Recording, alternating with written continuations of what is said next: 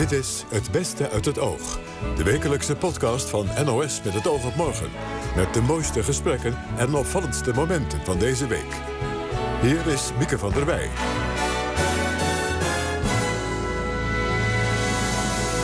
Welkom bij deze podcast. We hebben weer een bijzondere serie gesprekken voor u geselecteerd. En die gaan deze week over de val van Srebrenica, 25 jaar geleden. In amper zes dagen tijd overrompelden de Bosnische Serviërs het beveiligd gebied Srebrenica. Ze intensiveren de beschietingen op de enclave en de observatieposten van Dutchbed.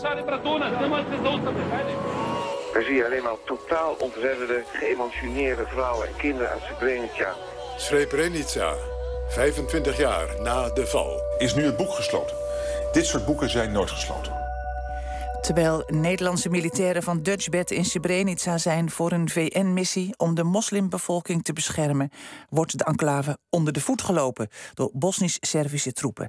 Er worden uiteindelijk meer dan 8000 jongens en mannen vermoord. De Nederlandse Dutchbed-eenheid moest machteloos toezien.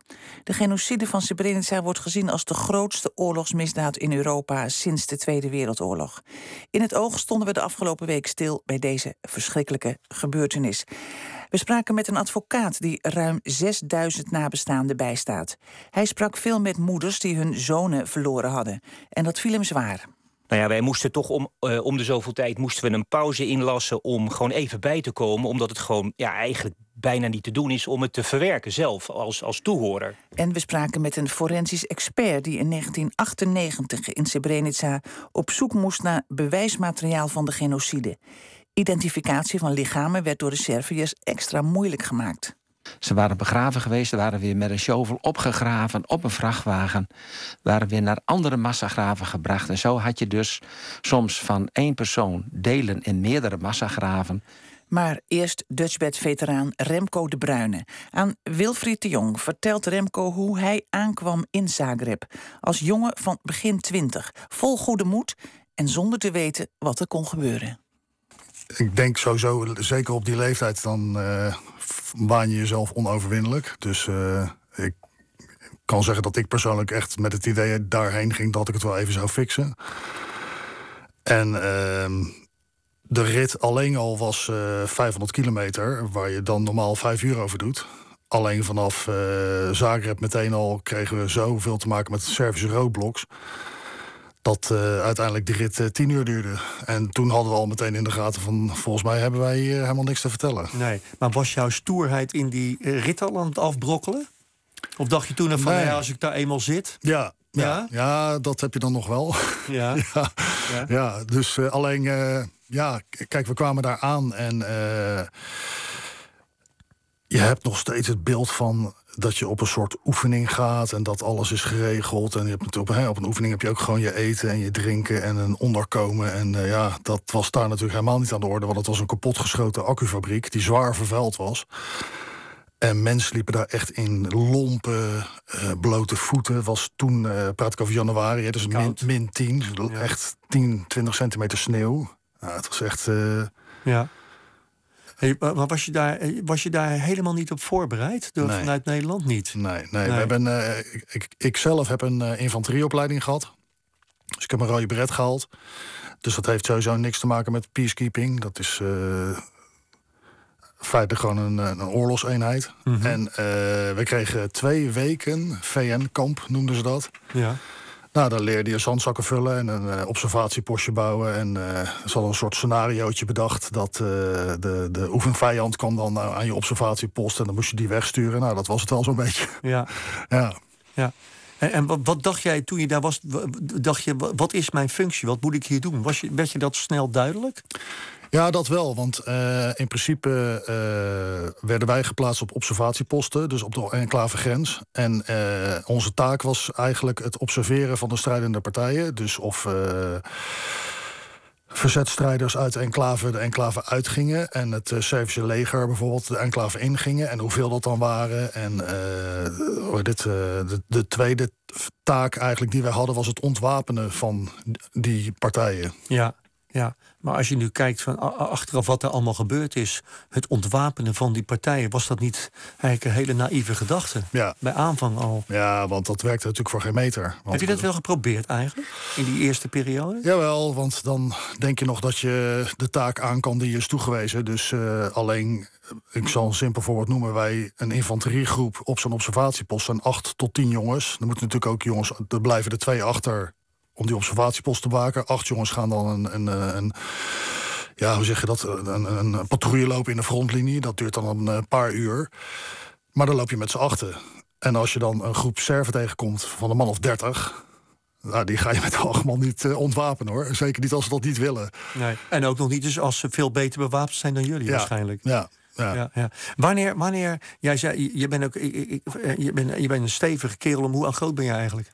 1,95. Ja, een, gro- een grote stevige 104 kerel. kilo. Misschien toen ook al, maar nu Ja. zeker. Ja. Eh, eh, jij zei, ik ging daar onvervroren heen. Ik dacht, ik ga dat klusje klaren. Wanneer brak er iets bij jou in die periode? Wanneer denk, als je dat nu herinnert, denk je... Toen dacht ik, wacht even.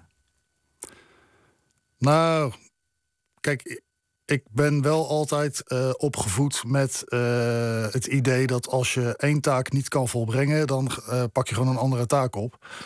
En kijk, de taak van ontwapenen, dat was al binnen twee weken duidelijk dat dat er niet zou worden. Dus die taak doe je dan ook gewoon niet meer. Dus dat leg je gewoon naast je neer.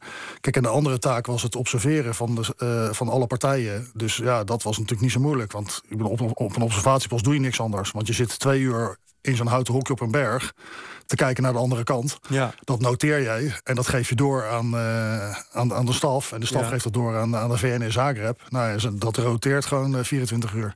Dus ja, die taak ging gewoon door. Ja. Maar wanneer gebeurde er iets waarvan je dacht van... eh, ik zit hier op een verkeerde plek. Ik, ik, ik word er niet goed begeleid, noem maar op. Wanneer was dat? Nou, ik denk dat dat idee heb ik niet eens zozeer ooit gehad. Nee? Nee, nee. Terwijl, terwijl je toch eigenlijk, eh, ik heb de, de, de serie van Koen Verbraak is begonnen op televisie daarover. Krijg je toch heel erg mee dat, dat, dat in die eerste aflevering al, dat heel veel van jullie mensen zich toch in de steek gelaten voelen door Nederland, door de regering. Ja. Heb jij dat niet gehad? Nou, ik, dat, maar ja, dat is meer natuurlijk bij terugkomst als je als, eh, na de val van Enclave zelf. Eh, Mhm. Kijk, ik heb het voordeel gehad dat ik nog steeds in dienst bleef daarna, tot 2011. Dus ik heb me daar sowieso niet zoveel mee bezig gehouden.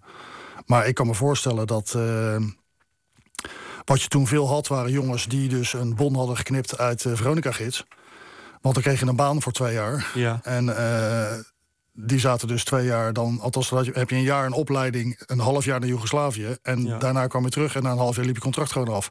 Ja. En dan zit je thuis en je vader is eh, bakker en je moeder is eh, zuster. Ja, en dan wat ga jij thuis vertellen over een oorlog? Dat snappen ze niet. Dus Nee. die, die, die raakten helemaal eh, ja, in zichzelf eigenlijk. Ja. Daar had jij minder last van. Maar wanneer Ja. had jij wel het idee toen je daar zat dat je dacht, het gaat hier mis?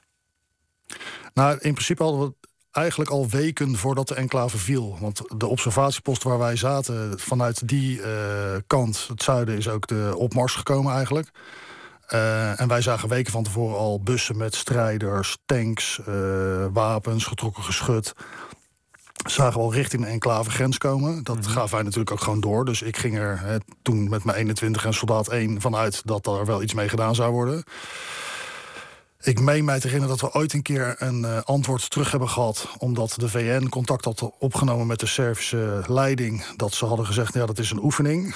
Alleen toen was ik wel al zo snugger om te denken van... maar welke oefening moet je in oorlog oefenen dan?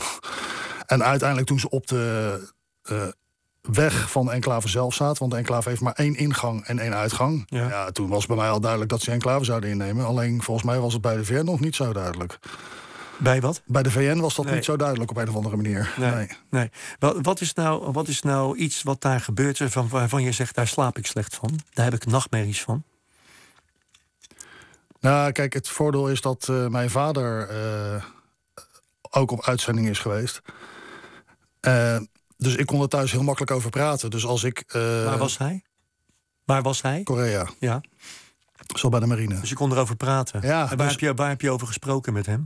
Nou ja, bijvoorbeeld een, eh, een, een, een, een detail wat ik ook aanhaal in de documentaire. Dat, eh, dat ik iemand zag eh, lopen die waarvan ik zei, in een rood trainingspak, wie loopt er in de frontlinie een tra rood trainingspak als je probeert te ontkomen, dat is van kilometers afstand zie je dat. Ja. Terwijl wij dichterbij kwamen, bleek dat die man dus naakt was. Dus dat was geen rood trainingspak, die zat gewoon helemaal onder het bloed.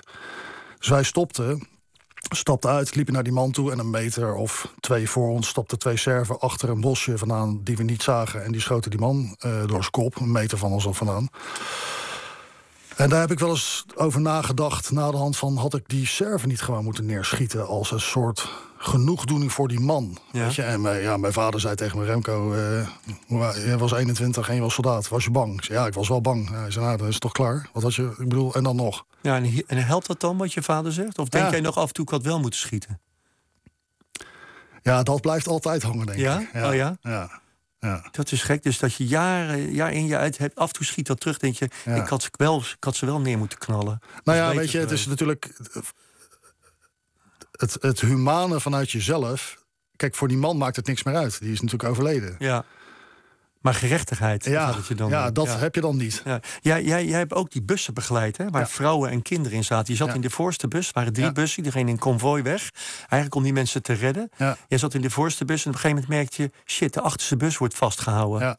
Eh, En dat was ook een dilemma voor jou. Hoe werkte dat? Wat gebeurde er?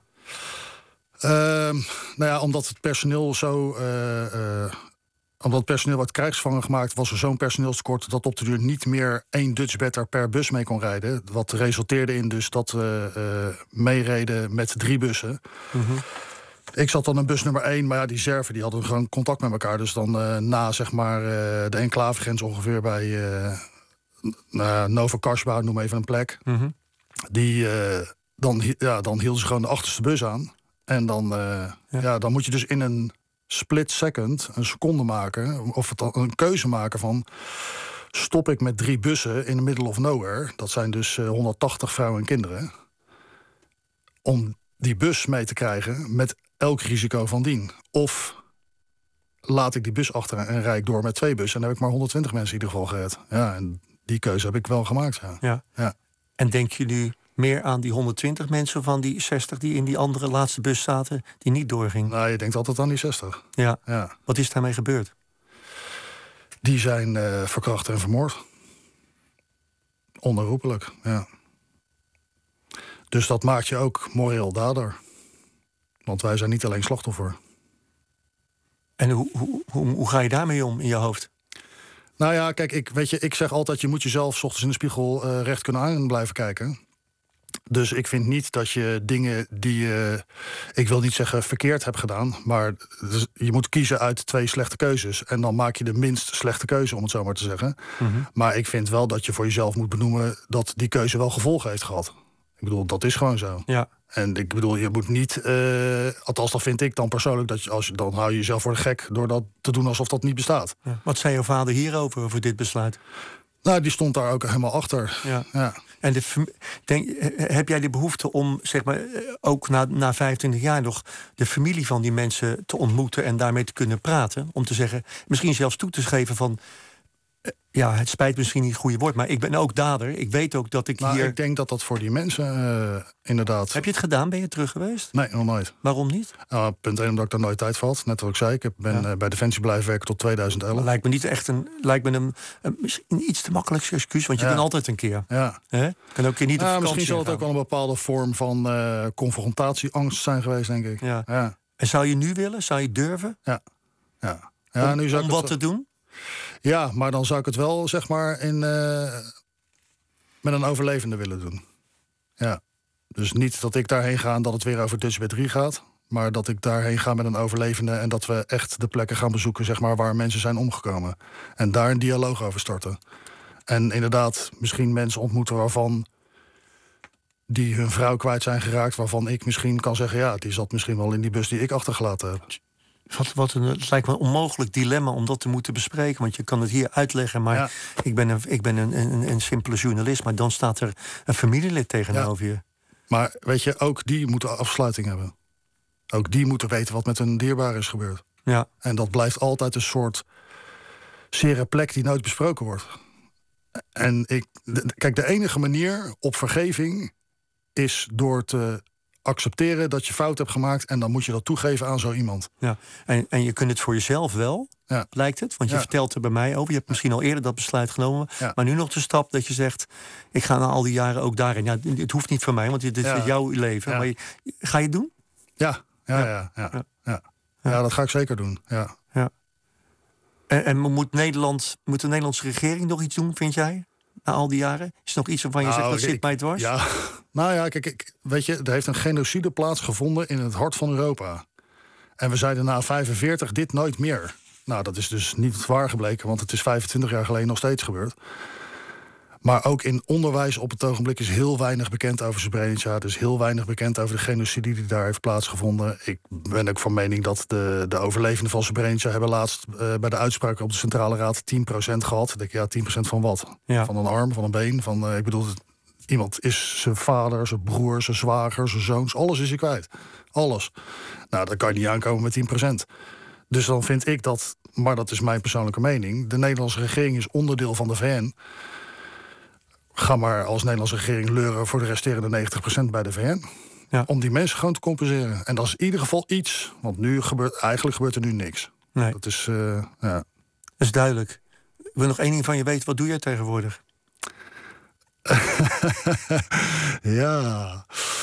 Ehm, God, hoe leg ik dat uit? Oh, ik dacht gewoon, ik krijg een beroep te horen. Ja, ja. ja het heet eh, Private Military Contractor. En wat is dat? Dat noemden ze vroeger een huurling. Oké, dus je, je, je, zit, je bent nog steeds. je- maar wat is een huurling ook alweer precies? Iemand die zich eh, voor geld verhuurt om eh, problemen op te lossen waar dan ook ter wereld. Marco Gerritsen is een van de advocaten die sinds 2004 ruim 6000 nabestaanden helpt. In eerste instantie probeerde hij gerechtigheid te halen bij de Verenigde Naties. Maar dat lukt niet, want de VN geniet immuniteit.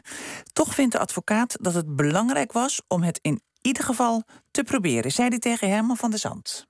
Wij wisten natuurlijk ook wel dat de, de VN immuniteit heeft en, en immuniteit geniet. Dat hadden ze natuurlijk ook zelf al duidelijk gemaakt. Maar wij vonden dat in een zaak als, als deze, waar het gaat om betrokkenheid bij, eh, nou ja, in ieder geval medeverantwoordelijkheid voor het genocide, die kon plaatsvinden dat ja, ook de VN haar eh, verantwoording moest nemen en, en toch op zijn minst eh, zou moeten verschijnen, omdat het ja, zo'n belangrijke zaak is. Alleen ja, alle rechters hebben uiteindelijk geoordeeld dat eh, de immuniteit eh, absoluut is.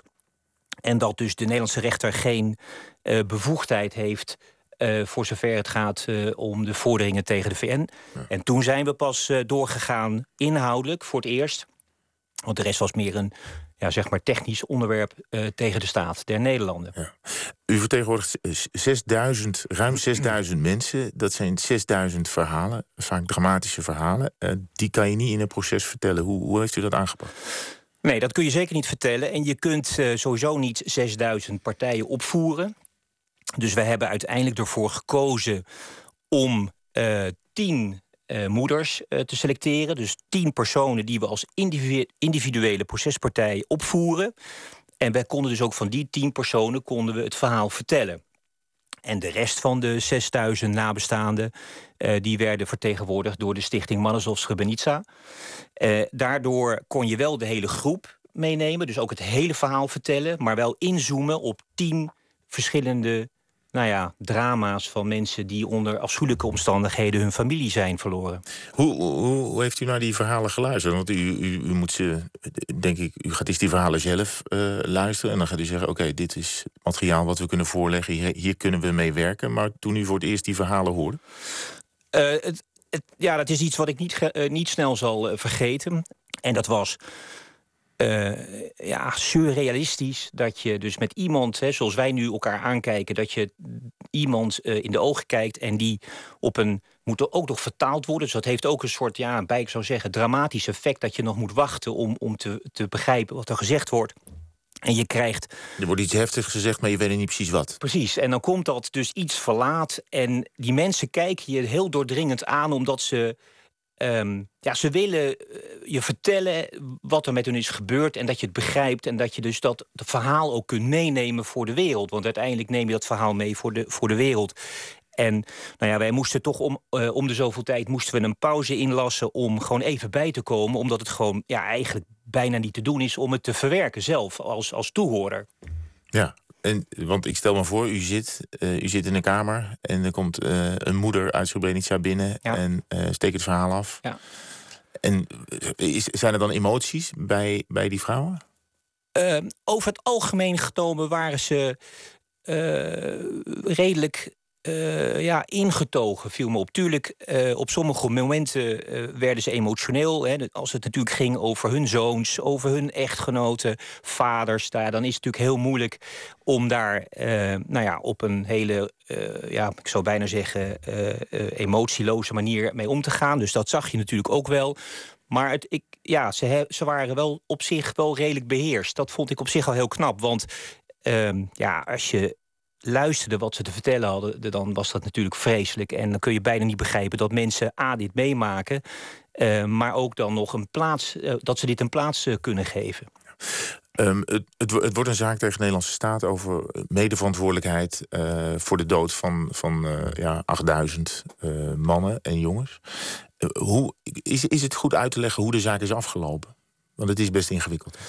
Het is een heel ingewikkeld verhaal. Uh, maar uiteindelijk heeft, uh, hebben in drie instanties uh, hebben de rechters, in de hoogste instantie, dus de Hoge Raad, geoordeeld dat op zeg maar de laatste dag, eh, dat was 13 juli 1995, eh, toen de laatste groep ehm, vluchtelingen werden gedeporteerd, dat waren de mensen die op de compound zaten dat toen... Bij Dutchbed, onder bescherming van Dutchbed. Onder bescherming van Dutchbed, toen die laatste groep zeg maar werd weggestuurd... Um, en die mannen dus eigenlijk op dat moment van die vrouwen werden gescheiden. Daarvan hebben alle drie de, de, de, de rechters, dus de rechtbank, het Hof en de Hoge Raad gezegd... op dat moment wist je of moest je weten dat je deze mensen feitelijk de dood in zou jagen. dus zij liepen op dat moment een, zoals dat dan heet, een serious risk. dus een, een, een groot risico om ofwel te worden vermoord of eh, te worden gemarteld of allerlei andere afschuwelijke dingen. En de rechter heeft daarvan in alle drie de instanties gezegd dat toen je bij die laatste groep aankwam, had je ze de keuze moeten geven om op die compound te blijven. En door dat niet te doen, heb je ze ja, dus eigenlijk uh, hun uh, levenskans ontnomen. En dat is onrechtmatig, waarvoor de staat als eindverantwoordelijke uh, aansprakelijk is. Deze uitspraak is voor u niet voldoende? En voor de, voor de, voor de, nee, moeders wat, niet? Nee, want wat, wat er. Wat, uh, even los van dat wij altijd hebben betoogd uh, en aangegeven van dat wij vinden dat die aansprakelijkheid er moet zijn voor al die mannen. Maar goed, dat gaat nu te ver om dat helemaal uit, uit te diepen. Maar in ieder geval voor die laatste groep heeft dus uiteindelijk dan die rechter gezegd... ja, die had je dus moeten beschermen of iets mee moeten doen... want je wist op dat moment het risico dat ze liepen. Maar het gekke is dat het gerechtshof als eerste toen heeft gezegd van... nou ja, maar wat zou er nou zijn gebeurd als die mannen wel op de compound hadden mogen blijven? En het hof zegt dan, wij denken dat ze dan uiteindelijk een overlevingskans zouden hebben gehad van 30% En dus in het kader van de aansprakelijkheid en de schadevergoeding ben je dan gerechtigd tot 30 ja. Wij hebben daar toen van gezegd, ja, dat is heel gek. Want daar is die discussie helemaal niet over gegaan. Het ging alleen maar over de vraag, is Nederland nou aansprakelijk of niet? En waar komt die 30% dan vandaan? Toen zijn we naar, het naar de Hoge Raad gegaan. En de Hoge Raad zegt, ja, inderdaad, de overwegingen van het Hof kunnen de beslissing niet dragen dat het 30% is. Maar, en dan denk je, nou, daar zijn we er, want dan gaat iets anders gebeuren. Wij denken dat het 10% is. Wat wij zeggen is van, uh, omdat er geen volwaardig debat heeft plaatsgevonden in de procedure over de kansen van die mannen, want daar ging het feitelijk ook niet over is er geen hoor en wederhoor. En daardoor is er ook sprake van geen fair trial. Hè, dus een, een, een, een eerlijk proces. Dat valt onder artikel 6 EVRM. En heeft Nederland als verantwoordelijke de, uh, nou ja, de, de artikel 6 geschonden. Uh, en daarvoor zitten we nu bij dus de Europese daarom door naar de hoogste Europese rechter. Um, het gaat er heel erg over, heel veel over excuses uh, voor dingen die in het verleden zijn gebeurd. Heeft het zin als Nederland excuses aanbiedt voor wat er in Srebrenica is gebeurd? Nou, het is natuurlijk niet aan mij te oordelen, want ik ben in die zin alleen de advocaat en natuurlijk niet uh, een, een, nabestaande. Uh, wat ik wel heel teleurstellend vind, is dat wij toen wij met deze zaak begonnen in 2004, vrij snel daarna, ehm, hebben wij contact uh, gezocht met de toenmalige minister-president. Dat was de heer Balkenende. En toen hebben we gezegd van nou, dit is een bijzondere zaak. Er zitten veel emoties, zwarte bladzijden, ontzettend veel verdriet. Natuurlijk in de eerste plaats bij de slachtoffers, maar ook bij Dutchbatters die natuurlijk met een trauma rondlopen. Is het niet een gedachte om in zo'n moeilijke zaak gewoon eens met elkaar om de tafel te gaan zitten, gewoon om te zeggen, hoe gaan we nou met die zaak om? en daar zou dan wellicht ook een excuus... of in ieder geval iets van empathie uh, op zijn plaats zijn geweest. En helaas heb ik in de afgelopen 16 jaar... dat uh, nooit bemerkt bij de staat tot op de dag van vandaag. Want we hebben ook later meerdere malen gezegd... is het dan nu wellicht tijd om eens een keer met elkaar te gaan praten? Uh, maar daar is nooit op ingegaan. En dat vind ik wel heel erg teleurstellend, ja. We sluiten af met Eddy Korringa. Hij is forensisch expert en ging in 1998 naar Srebrenica op zoek naar bewijs van misdaden tegen de menselijkheid en genocide.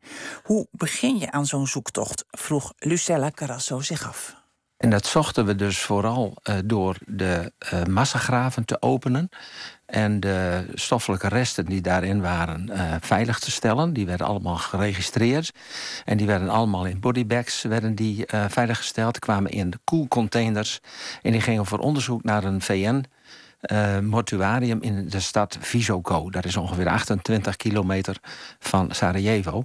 Daar werden ze allemaal onderzocht door pathologen, antropologen en forensische experts. Om vast te kunnen stellen of de mensen uh, zodanige sporen droegen dat je kunt zeggen van dit is toch wel echt wel een oorlogsmisdrijf. Bijvoorbeeld, uh, mensen waren gebonden aan de handen, mensen waren door de knieën geschoten. Mensen hadden de voortanden uit hun mond geslagen. En allerlei schotwonden die niet, passen bij een oorlog. En dat in, in combinatie met de hoeveelheid. Ja uh, vormt de bewijslast voor genocide. Ja, vooral de hoeveelheid en dat het uh, eigenlijk allemaal burgerslachtoffers waren. En eigenlijk allemaal mannen. Honderden mannen. En ik geloof dat in de periode dat wij daar geweest zijn, dat we twee vrouwelijke slachtoffers gevonden hebben. De rest waren allemaal mannen en eigenlijk allemaal burgers. En was het doel ook identificatie voor de nabestaanden? Dat, dat u kon ja, vaststellen, u en uw team, alle mensen die erbij betrokken waren, om wie het ging? Nou, dat was niet het allereerste doel, maar als je toch allerlei voorwerpen veilig stelt. Uh, en je moet zich voorstellen dat. Uh, uh, die slachtoffers waren allemaal enkele jaren begraven geweest.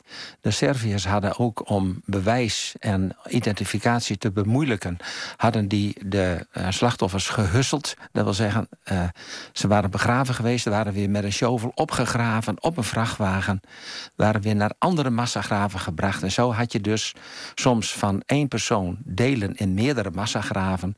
Ach, dus, dus het been lag in het ene massagraf. Dat kan, en... ja. ja. De arm werd er ja, elders dat, Bij wijze van spreken, dat, dat kon, dat kwam en, ook En met voor. welke technieken kwam u er dan achter dat dat tot hetzelfde lichaam had behoord? Nou, wij hadden net een paar jaar het DNA. En uh, DNA is dus, er zijn echt duizenden DNA-monsters genomen. Uh, maar soms kon je het ook heel eenvoudig zien... doordat er toevallig aan een been dezelfde sok en dezelfde schoen zat. En die waren soms nog heel goed herkenbaar. Uh, nou, en als je dan dit soort mensen allemaal uh, aantreft, uh, die soms nog een metaaldraad om de, om de nek hadden en de handen gebonden hadden, dus wat er nog van over was althans, gebonden hadden op de rug, ja, dan kun je toch echt wel spreken van, van oorlogsmisdaden. En hoe reageerde de bevolking eigenlijk dat, dat, dat jullie daarmee bezig waren? Ehm, nou, de bevolking reageerde daar wel in principe wel positief op, dat wij ermee bezig waren. wij zaten in een plaatsje Visoko, is niet zo'n groot stadje. Uh, en er waren wel mensen die wisten dat we daar bezig waren. Maar er waren ook uh, mensen van de bevolking die verdienden 100 D-mark per week met het schoonspoelen en wassen van de kleding die wij nog aantroffen. Maar dat moest geschoongemaakt en gedroogd worden, zodat we de sporen konden veiligstellen. Ja, en al die lichamen die daar heen werden gebracht, zo, dat zal mensen ook niet ontgaan zijn. Nee, dat zal ze niet ontgaan zijn, want het ging per container vol. En ik moet eerlijk zeggen, toen ik voor de eerste keer het terrein van het mortuarium bij Fysico opreed, eh, dan ruik je dat de lucht van lijken, van ontbinding. Een lucht die je, als je die ooit geroken hebt, vergeet je dat nooit weer. Nou, dat ruiken zij natuurlijk ook. En eh, er zat daar ook een, eh, een klein uh, pizza-restaurantje vlak bij, dat, bij dat, die begraafplaats. In feite, nou, dat waren eigenlijk de mensen van de VN die daar werkten, waren eigenlijk tussen de middag de enige gasten. De anderen kwamen daar niet.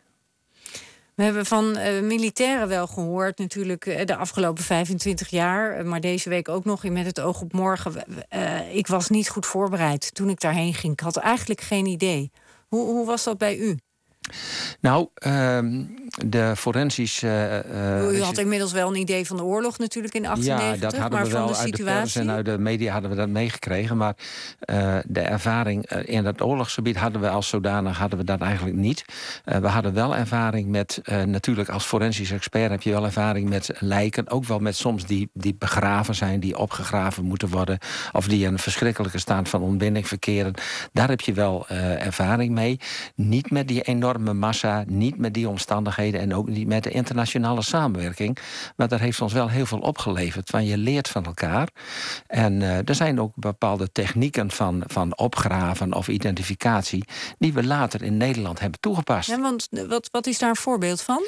Nou, een voorbeeld van is bijvoorbeeld. Uh, uh, we leerden in Bosnië dat je, dat je niet naar een, een stoffelijk overschot gewoon een kuil moet graven daar naartoe. Want dan loopt het water erin en dan, dan valt het zand rolt naar beneden. Maar als je en dan nou spoel je misschien sporen weg. En dan spoel je sporen weg. En als je er nou een grote greppel omheen graaft, dan, dan sta je zelf sta je beter op, op hoogte, zeg maar. Je hebt een soort tafel voor je. Uh, en je kunt beter werken. En er rolt niks op. Je kunt het rustig kun je het, kun je het weggraven. Een vrij diepe, vrij diepe gul dus, zeg een vrij een diepe. Ja, een vrij diepe geul van een meter. En wat, wat heeft u nog meer meegenomen van die tijd? Uh, nou, kijk, de ervaring die je, die je opdoet, de communicatie, uh, hoe anderen werken. Uh, we waren daar met een groot aantal nationaliteiten. Er waren uh, röntgenmensen uit Schotland, er waren pathologen uit Duitsland, Australië en, en Engeland. En dan zie je toch dat zij op sommige plekken anders werken. Ik zal nog één voorbeeld geven. wij konden daar met die stoffelijke overschotten eigenlijk weinig anders dan gewoon botten poetsen. Dat deden, de, deden wij soms en dat deden de uh, antropologen ook. Uh, Maar dus, u bedoelt, we konden weinig anders dan, maar dat moet toch überhaupt gebeuren? ja, ja, maar nou, normaal gesproken dan gebeurt dat niet altijd. Nee? Als je, hier in Nederland is, was dat niet de gewoonte. Maar daar, met zulke slachtoffers, daar kun je eigenlijk... eh, De resten kleding haal je eraf en dan hou je nog iets over. Een, een modderige troep waar botten in zitten, dat poets je allemaal schoon. En aan die botten kun je soms nog dingen zien. Een schotwond, een breuk die niet hersteld is. Nou, eh, een paar jaar later was een collega die ook daar geweest is... eh, maar dan van de forensische afdeling in Limburg. Er werd, een vrouw gevonden daar... eh, waar ze ook, die ook een paar jaar zoek was. Die werd weer teruggevonden. En nou, werd eigenlijk aanvankelijk geen doodsoorzaak vastgesteld. Toen zegt die collega van... oh, ik ben naar Bosnië geweest. Als wij nu eens dat skelet helemaal gaan schoonpoetsen, die ribben... En dat hebben ze gedaan op de NFI, eigenlijk in tegenstelling tot wat ze normaliter zouden doen. En toen zagen ze toch dat er zo'n 10 tot 12 steekwonden, namelijk de krassen van het mes op de ribben en op het borstbeen, zagen ze doen. Dus dat, dat is iets dat is meegenomen daar vandaan. En dat is hier gebruikt. En dat heeft dus tot resultaat geleid. Ja, en het NFI, dat is het Nederlands Forensisch Instituut. Wat een uh, bijzondere verhalen in deze speciale editie van Het Beste uit het Oog. Helemaal gewijd aan de gebeurtenissen in Srebrenica 25 jaar geleden. Hartelijk dank voor het luisteren en tot volgende week.